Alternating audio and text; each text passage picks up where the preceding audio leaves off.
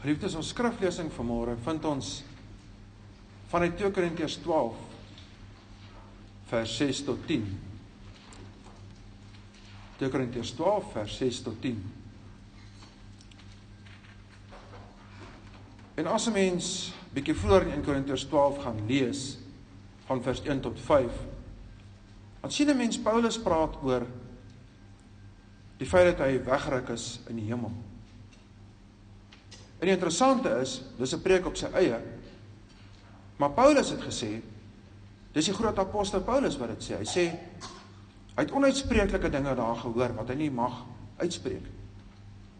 Daarom hoor een ek ons ore te sluit vir mense wat sê so en so is die hemel opgeneem en hy dit en dit daar gesien.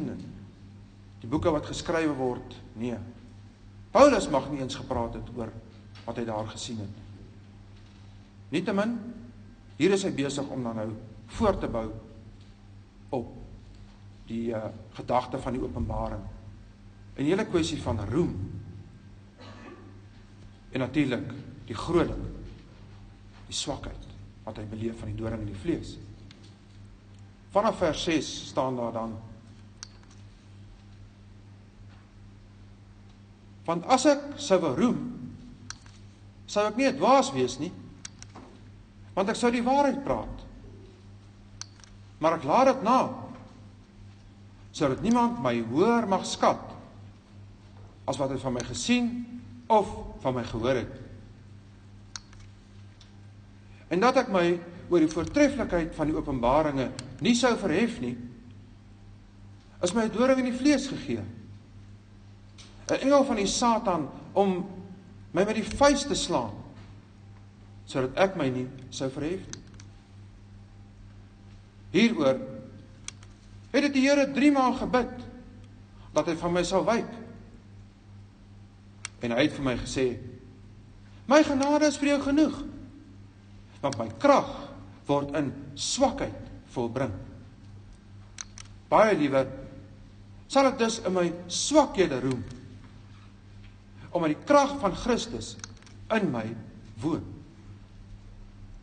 Daarom het ek behaag in swakhede, in mishandelinge, in node, in vervolginge, in benoudhede om Christus wil.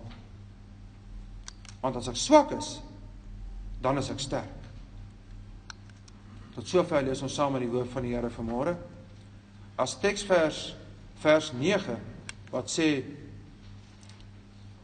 Hy het vir my gesê My genade is vir jou genoeg. Want my krag word in swakheid volbring. Baie liewer sal dit dus in my swakhede roem sodat die krag van Christus in my kan woon.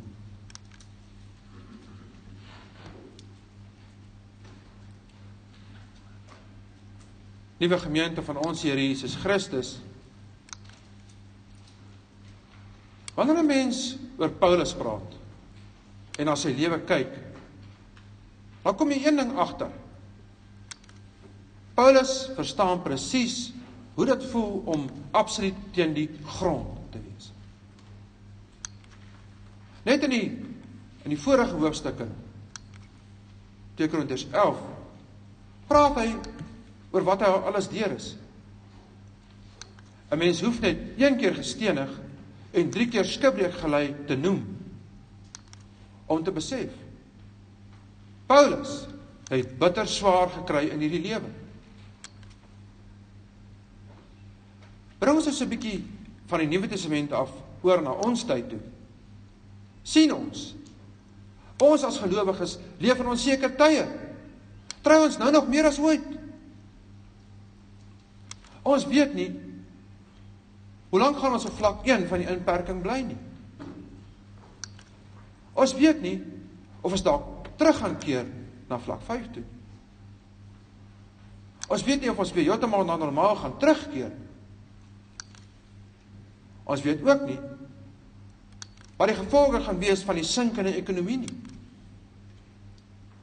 Baie van ons nou meer as ooit weet selfs nie of ons nog 'n werk gaan hê in die toekoms nie. Tans voel baie van ons dalk minder vasgekeer as met die inperking. Maar steeds voel sommige van ons moedeloos. Ja, dalk selfs depressief en vra het hierdie tonnel dan geen einde nie? Is daar dan lig aan die einde van die tonnel? Terug by Paulus. In ons geleesde gedeelte lees ons in vers 7 van sy doring in die vlees. Ons sal meer hier uitbrei later. Maar wat nou van belang is, is om eers die boodskap van die gedeelte vas te vang. Omdat Paulus 'n doring in die vlees het, hinder dit hom geweldig baie. En daarom bid hy tot die Here.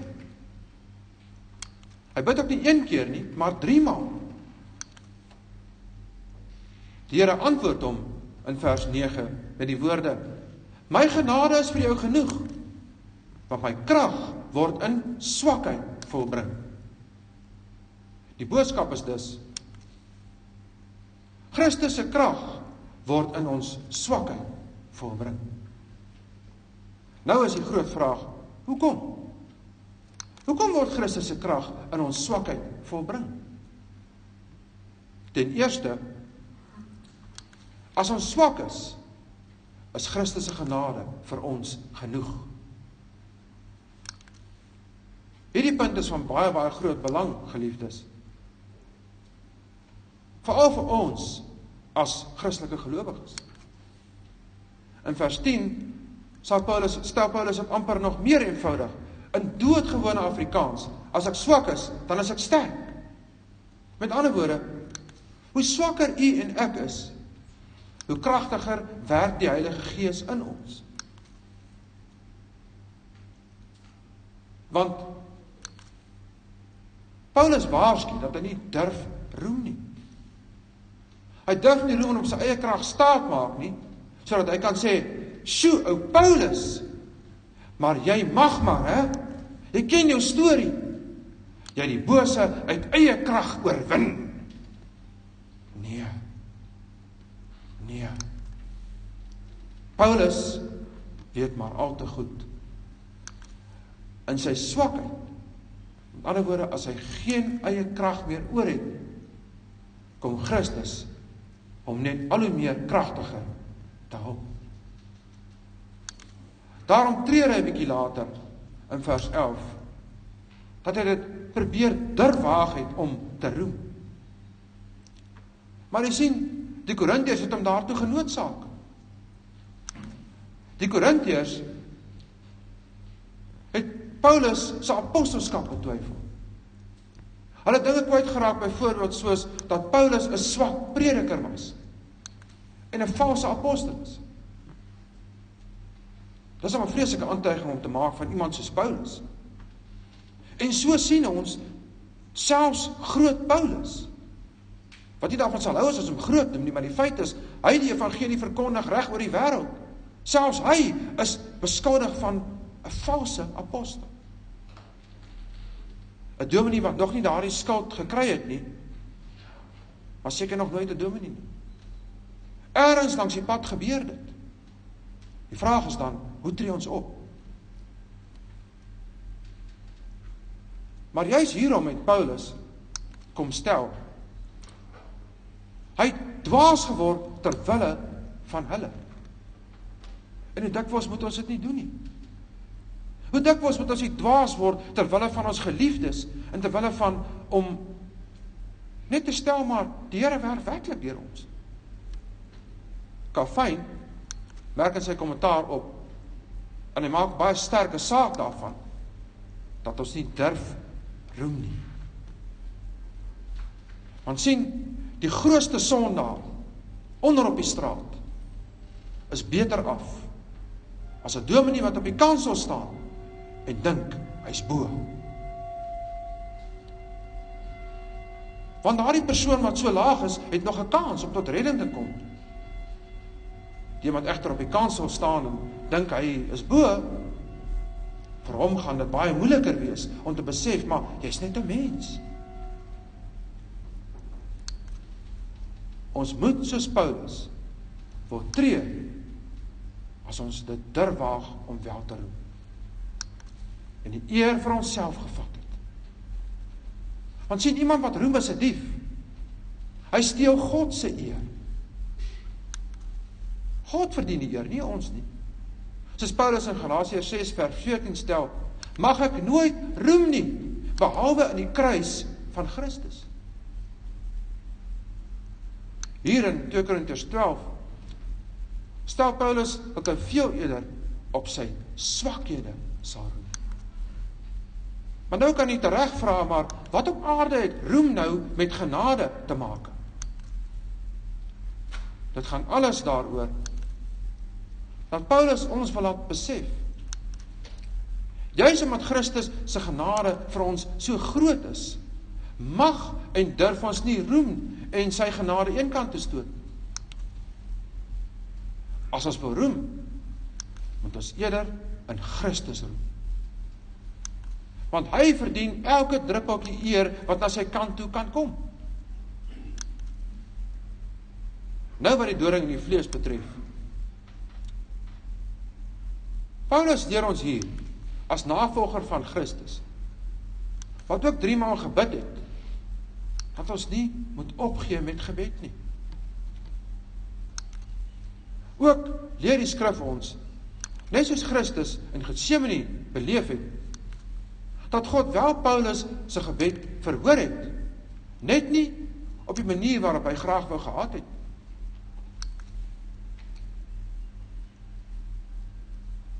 God neem nie die doring in die vlees weg maar hy stel in Paulus dat hy net sy genade nodig het om die doring in die vlees te kan weerstaan. Want sien, as God die doring in die vlees weggeneem het, sou Paulus nie net in homself geroem het nie, maar hom ook oor die voortreffelikheid van die openbaringe verhef het. Met ander woorde, hy sou by homself gedink het en selfs dit gesê het, "Sjoe, God openbaar hom daarom op 'n besondere wyse aan my." Dus sal hy roem en verheffing dan sommer in een sin oor doen en oortree. Hy sou homself as 'n groot sondaar moes bestempel as hy dit gedoen het. Maar die eer van God mis. Nou die vraag Dis 'n vraag waarop baie mense antwoorde soek. Wat was Paulus se doring in die vlees? Sommige meen valse apostels. Hulle meen hierdie valse apostels het die lewe vir Paulus baie baie moeilik gemaak. En ander dinge kom neer in 'n ander Christus kom verkondig. Ander reken dat Paulus dalk geworstel het met vleeslike begeertes soos welis.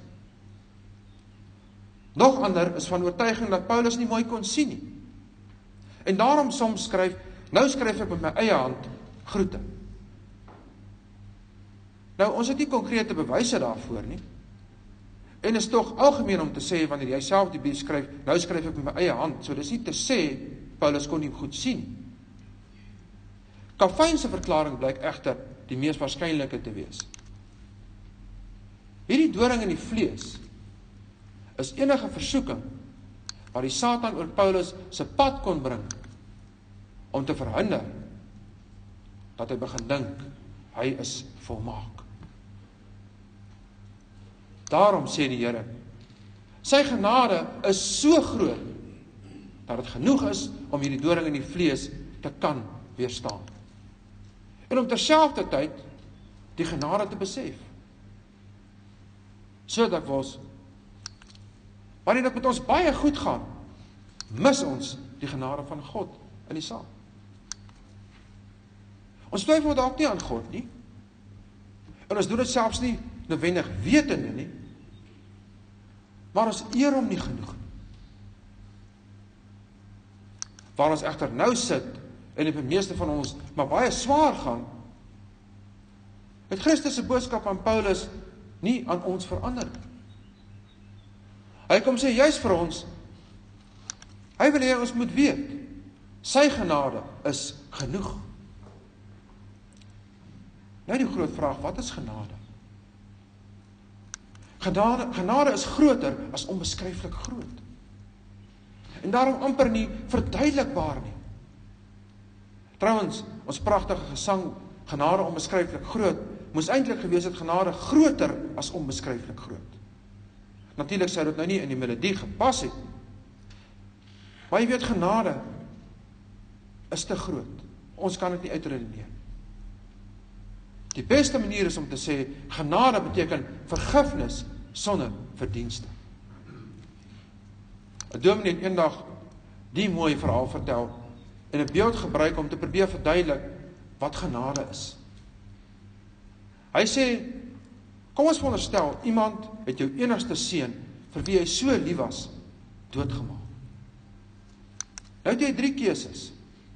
Eerstens of jy gaan hof toe en gee die misdadiger oor aan die reg sodat hulle met hom kan deel. Dis geregtigheid. Maar dan is die groot probleem een of ander tyd gaan jou gewete jou begin pla. Die tweede opsie jy kan homself doodmaak. Maar dan beland jy self in die tronk, so dit gaan jou nie veel help nie. Die derde opsie jy kan hom vergewe. Dit is wat God gedoen het. Hy het ons vergewe omdat ons sy enigste seun aan die kruis vasgespijker het. Hy wat geen sonde gehad het nie. Hy wat nie teruggeskel het toe hy uitgeskel is nie. Ja. Al verdien ons dit nie, het God ons vergewe. Dis genade. Want sien geliefdes, al het ons nie deelgeneem aan die vasspykering van Christus aan die kruis, verloon ons om dikwels. Dikwels maak ons homself baie hartseer. Maar tog bly hy lief vir ons. Hy bly ons vergewe, maak nie saak wat nie. Elke sonde wat ons bely, word vergewe. Dis genade. Want sien, elkeen van ons verdien die ewige dood, die hel, die verdoemenis. En God sê nee. Ek is te lief vir julle. Ek kan dit oor my hart kry dat julle moet ly nie. So rukkie terug. So 'n hele paar maande terug het ons Goeie Vrydag gevier en Opstanding Sondag. Daar het Christus vir ons die ewige dood en hel kom wegneem. Ons wat dit verdien het. Hy het gekom en hy het vir ons die lewe kom gee aan daardie kruis. Hy het vir ons sondes betaal. Trouwens, daar is iets aan die feit dat Christus gekruisig is en op 'n ander manier doodgemaak is. Kruisiging was beskou as 'n vervloeking. Hy het die vloek op hom geneem sodat u en ek dit nooit hoef te doen nie. Om dus in Christus te wees beteken dus om deel te hê aan sy genade. Hy verklaar ons vlekkeloos. Hy veroordeel ons nie. Hy gee ons die lewe. Die lewe in plaas van die dood. En hy is soos 'n skare weer aan ons regterhand wat nooit van ons wyk nie. Ons bewaarder vir ewig. Hy is nie soos mense wat ons in die steek kan laat nie. Ook nie soos 'n brullende leeu wat rondloop en kyk wie kan hy veroordeel nie. Nee. Hy is 'n liefdevolle vader wat omgee vir sy kinders. Hy is die goeie herder wat sy skape lei na waters waar daar rus is. Meer nog. Hy weet presies hoe ons op die oomblik voel. Hy bied ons ook die antwoord op daardie gevoel en sê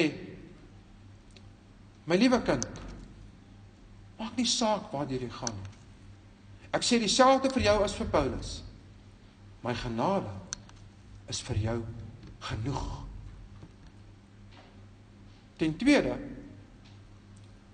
as ons swak is, is Christus sterk.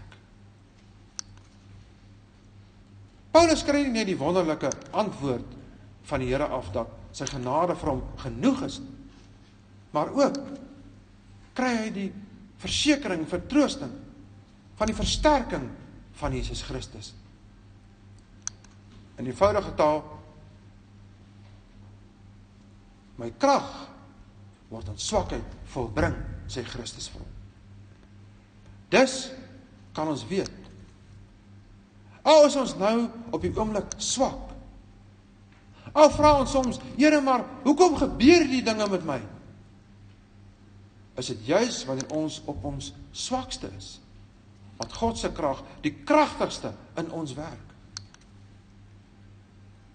'n Mooi beeld wat 'n dominee eendag gebruik het om iets te illustreer van krag van iemand wat groter is as jy.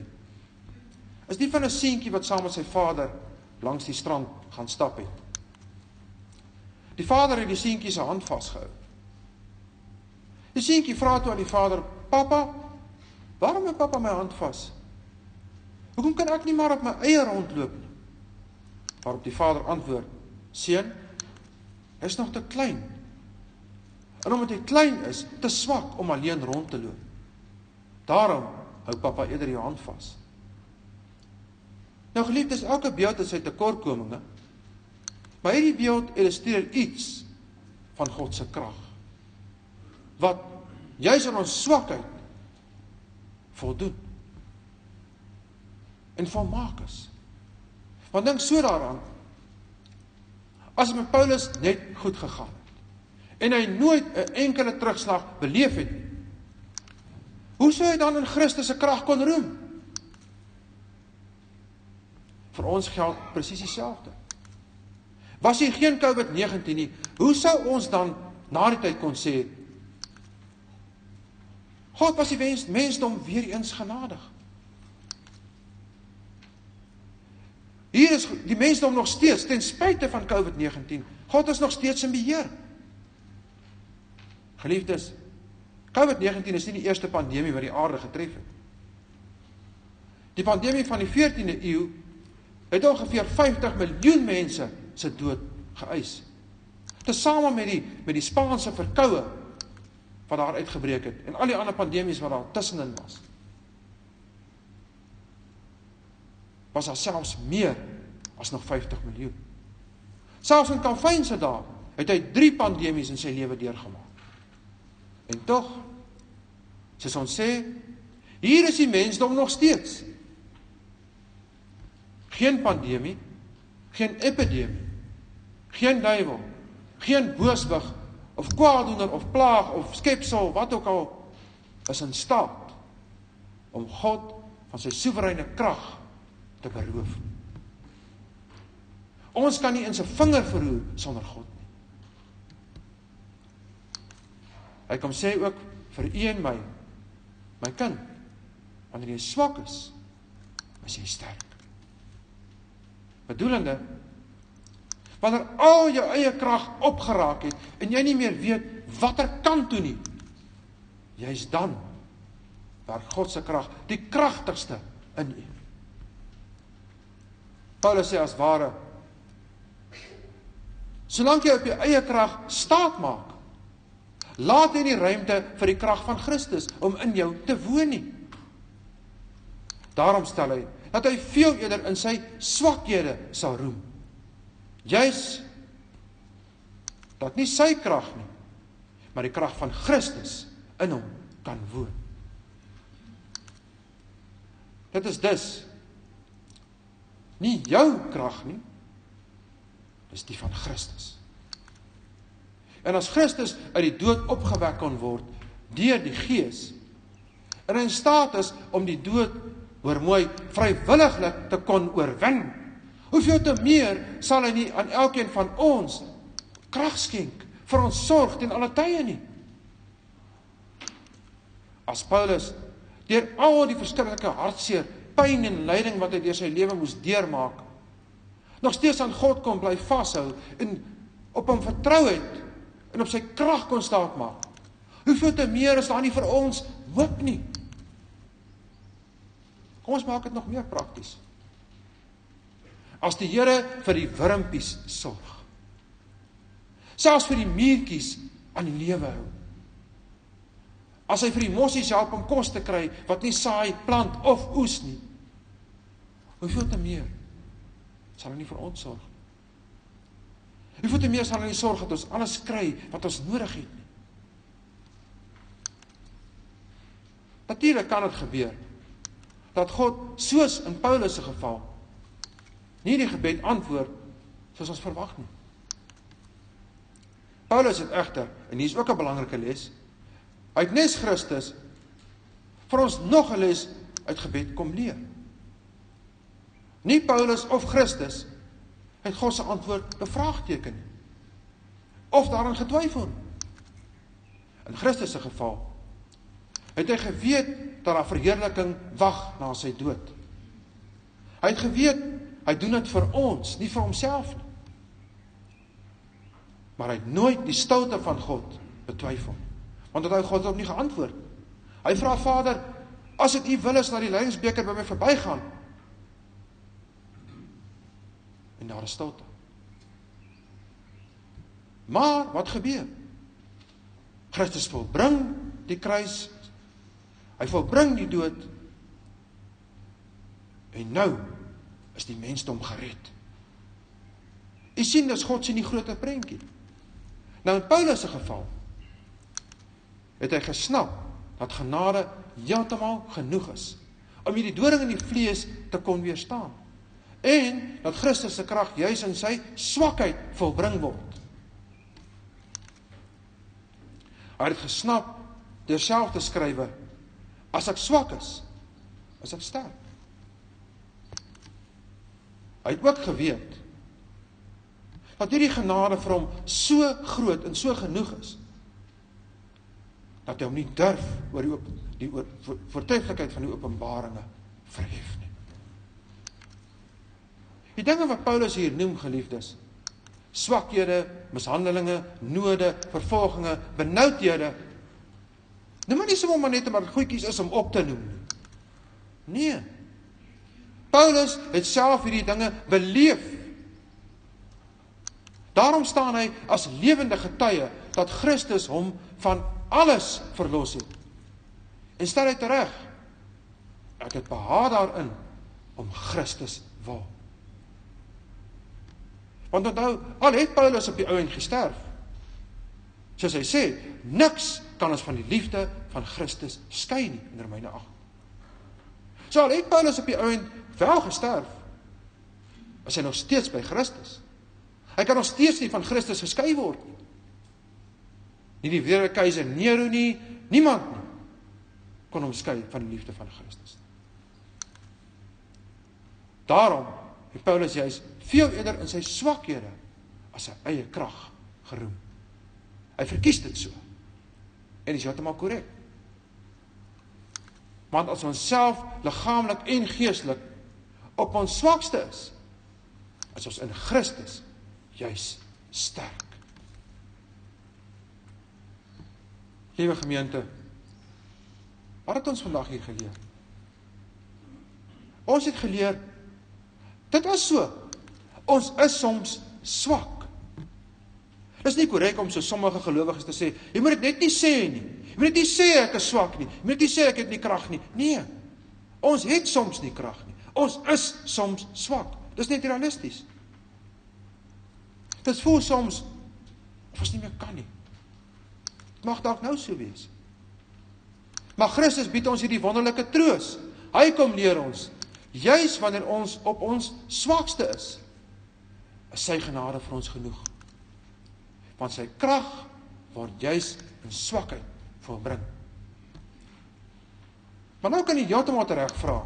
Maar wat verwag God dan nou wel van my? As ons dan nou nie op ons eie krag te staat maak en op ons eie krag te roem nie, wat is dit wat God van my vra? Want die verbond het tog twee kante. Al wat die Here van u en my vra, is om op hom te vertrou. Want soos die psalmdigter in Psalm 84 vers 13 sê, Here van die leerskale, welgeluksalig is die mens wat op U vertrou. Kom ons gaan nou hier uit. En die res van die inperking of pandemie of wat ook al op ons pad mag wees, met die wete as ons swak is, is Christus se genade vir ons genoeg. As ons swak is, moet sy krag juis in ons volbring. En al wat hy van ons vra is om hom net te vertrou. Amen. Kom ons bid saam.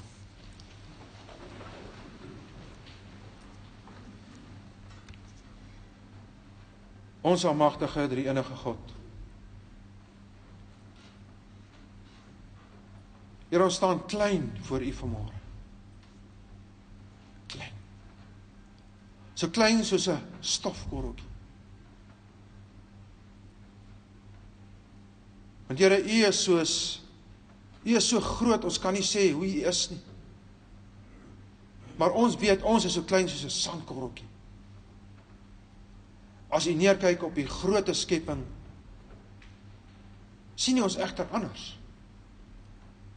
U sien ons as U kinders. U sien ons as U verteenwoordiger op aarde. En daarom, Here, is U ons bewaarder aan ons regterhand. Wat nooit van ons wyk nie. Ons skare weer kan nie van ons weghardloop of van ons wyk nie. Net soos U. Daarom die treffende beeld in Psalm 121, U is soos 'n skare weer aan ons regterhand. Here, ons bely dat ons soms swak is. Dat ons soms nie weet hoe ons 'n situasie moet hanteer nie en selfs soms dit nie reg hanteer nie. Maar ons weet. U boodskap aan Paulus was die boodskap deur die eeue heen en dit nooit verander nie. U krag word in ons swakheid volbring. Daarom vra ons Here, vergeef ons ons oortredinge. En help ons om net op U te vertrou. Ja, ook Here, wanneer ons gebede nie geantwoord het soos ons graag wil nie. Help ons om soos 'n visie in die water te word. Waarvan U die stroom bepaal. Ons swem nie, ons lê maar net in die water. U bepaal die stroom en ons gaan daarmee saam. Want die een ding wat ons as gelowiges moet besef is as daar 'n muur voor ons staan en ons skop teen hierdie muur en ons wil teen U wil ingaan. Skop ons net al hoe harder, kry net al hoe seerder en die muur staan net al hoe stewiger. Maar as baie die troos is, Here, dat wanneer ons aan U vashou, het hierdie muur geen krag oor ons nie. Want U bepaal. U bestuur, U beheer, U regeer. Ja Here, ook hier in Brits sien ons U hand. U sien, ons sien hoe U die gemeente in stand hou. Dis een van ons geliefde broeders môre gebid het. U het die kerk deur die eeue heen in stand gehou, ook hierdie gemeente. En daarom dra ons hierdie gemeente aan u op met al sy werksaamhede. En ons pleit u Here vir genade. Ons pleit u vir u krag wat juis in ons swakste oomblikke volbring word. Ons bid vir elke broeder op die kerkraad, elke suster betrokke by die gemeente dat u hulle sal lei en dat elke besluit wat geneem word bidend tot u eer geneem sal word. Here ons vra dat U ons sal lei wanneer ons nou die res van ons lewens tegemoet gaan. Dat U elke keer wanneer ons wonder maar waar jy nou, wat moet ons nou doen? Net vir ons sal sê U genade is vir ons genoeg. Ons bid Here vir hulle wat siek is dan die ander kind aan die Marie en besonder. Hulle met wie dit nie so goed gaan nie. Hulle wat juis liggaamlik swak is. Dat u daar hulle bewus sal maak van u teere vaderlike liefde. Want Here, u is saam met ons hartseer wanneer dit nie met ons goed gaan nie. U het medelee met ons. U weet hoe dit voel om versoek te word. U weet selfs hoe dit voel om God verlate te word. En dankie dat U gesorg het dat ons nooit God verlate hoef te voel. Dit bid ons alles in die naam van Hom wat is. Hom wat was en wat kom, die ewige koning. Hy wat seker maak dat sy krag in ons swakste oomblikke volbring word deur die kragtige werking van die Heilige Gees. Amen.